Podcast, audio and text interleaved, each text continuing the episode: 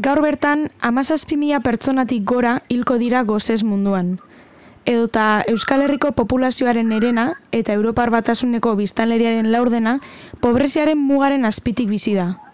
Datu hauek plazaratu ditu elkartzen plataformak pobreziaren kontrako nazioarteko egunaren arira kaleratu duen txostenean. Aipatutako eguna, pobreziaren kontrako nazioarteko eguna, gaur da, urriaren amazazpia. Oni buruz hitz egiteko, Iker Arostegi plataformako kidea dugu hemen. Kaixo Iker, ongitorri. Apa, egunon. Em, nolakoa da gizartean eh, datu hauekiko dagoen eh, kontzientzia? Eh, kontziente gara datu hauek horren, horren gogorra direnik?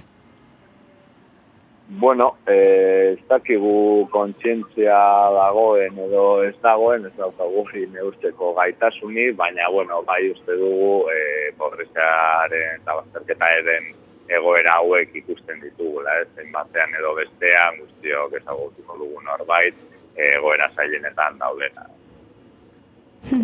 baina, baina askotan ez diogu eh, ez egiten du, ezta? Ez ikusiaren egiten du askotan bai, eta eta beste askotan be bai, gertatzen dana pobreziaren ekin askotan da, e, lotxa zentzazio bat ematen digula, ez, ezatea pobrezen gaudela, edo bazterketa egora batean gaudela. Zergatik, bueno, ba, zenean jendarte individualista batean porgilduta gaude, eta horrek, ba, bueno, e, eragiten duena da arazo guztiak e, ikusten ditugula individual, individualki ez, e, nire arazoa balitzu esala, ez honi gure ustez pues, buelta bat eman barko litzaioke azkenean pobrezia delako arazo individual bat eta pertsona baten e, ardura ez pobrezian erortzea edo erortzea baizik eta arazo kolektibo bat da eta horrela ikusten hasi barko geinateke horrela ikusiko baldin badenu e, bueno, uste dugu benetan e, askoz e, osa egongo litzatekela errealitate hau. Em, zuen txostenean azaldu zue, zarritan e, joan zaretela instituzioetara, hainbat instituzioetara, e, datu hauek e, aurpegiratzen edo e, emanez. Baina ez duzue borondaterik e, jaso e, datu hauen aldatzeko. Zergaitik uste duzue dela borondate ez hori? Bueno, eh, azkenean, bueno, uste du eh, instituzio publikoak kudeatzen dituzten alderdi politikoek azkenean sistema, sistema honen parte dira, ez? instituzio publikoa sistema honen parte bat dira. Ordua sistemaren parte diren einean, eh, bueno, pues, noiz behin karatio zer egiten dute, euren aurpegia zuritzeko, eta bar, baina benetan ez daukat inongo borondate polito egoerari, eh, egoerari aurre egiteko. Azkenean, e, konturatu bargara bai pobrezia beraztasunaren e, beste aldea dela, ez, ustez lotuta doaz, e, aberaztasuna eta pobrezia. Orduan nola banatzen dugu herri honetan eta mundu honetan aberaztasuna. Bueno, ba hori da azkenean erantzun nahi ez den edo, e, edo e, aurregin nahi ez diegun afera, eta. eta berriz ere komunikatura joanaz, em, zuen e, ideietako bat da, e, jendartean e, izugarrizko dualizazioa dagoela, ezta? Eta ordea guk dugun sentsazioa edo bentsat nik dudan sentsazioa da e, gizartean e, oso zabaldua dagoela e, ez tala dualizazio bat, baizik eta gaur egun e, klase ertain bat eta klase basua, ertaina eta altua daudela, ezta? Orduan, beraz, e, iruzur egiten digutela uste duzue? Bai, bueno, eta gainera ez da, ez da uste duguna, ez? Azkenean e, datuek hori aderazten dut, ez? Beste datu batzuk txosten honetan agertzen ez diren, beste datu batzuk ematearen, adibidez azkenengo urtean sortutako aberaztasunaren euneko laro getagia, euneko bataren esku, e, eskura eskuetara joan da. Eta euneko berro eta marrak ez du inongo aberaztasunaren igoerarik e, lortu.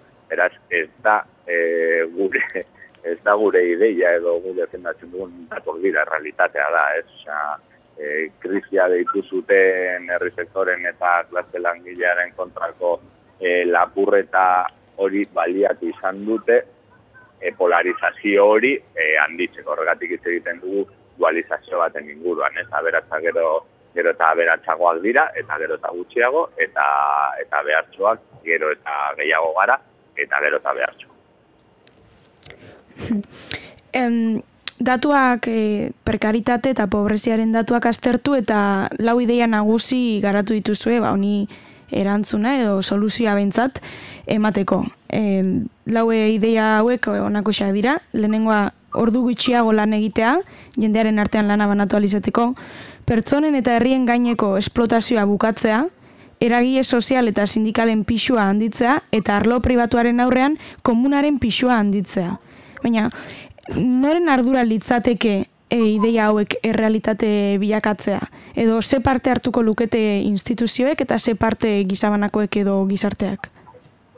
Bueno, gure uste, zoni egoerari buelta emateko herrita sektore zabalek eta langile klasea egin barko dute lana, ez? Eta, ezin gara geratu itxaroten instituzioetatik, ez eh, honi buelta emango dioten, ez azkenean sistema honen kudeatzaileak dira, eta horretan jarraituko dute.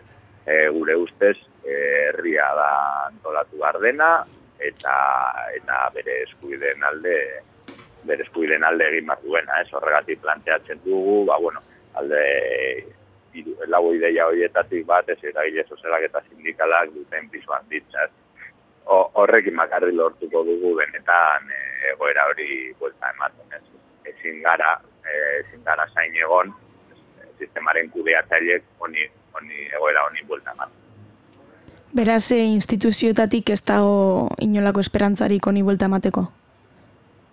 E, gure ustez ez, behartu beharko ditugu instituzioak e, aurrera pausoak eman ditzaten, baina ezin garena da geratu itxaroten instituzio zer egiten duten, edo ea alderdi politiko mago bat eltzen den, edo, edo horrelako esperantzei, esperantzei begira, ez azken pues, bueno, urte asko, urte asko gara matzagu ikusten e, zer egiten duten instituzioak, eta areta gehiago, e, e, kristia deitu zuten lapurreta, lapurreta horretatik ona, ez amarkada bat pasatu da, eta egoera txarragoa da.